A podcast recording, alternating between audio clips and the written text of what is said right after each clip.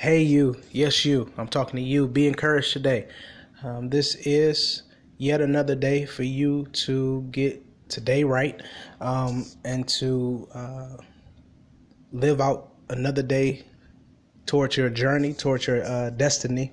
Um, this is the day in which God has uh, destined for you to get up and uh, allow not your getting up to be in vain, but to put forth uh, the effort of uh, being productive and to um, do today what you dare not to do yesterday. So, this is a great opportunity that if you have life in your body, uh, air in your lungs, mobility in your arms and in your legs, that you have the ability to um, conquer today.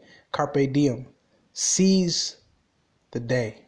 Take advantage of what um, is before you. Um, um denounce all fear, declare that God is for you, and that um, if, if God is for you, no enemy, no weapon, no bad um, energy, no negativity um, can stop and hinder you from conquering um, today that will ultimately uh, put you in position to receive that all God has for you. So I tell you to conquer today go out in faith, knowing that God is by you, God is walking with you, even when it seems as if God is silent.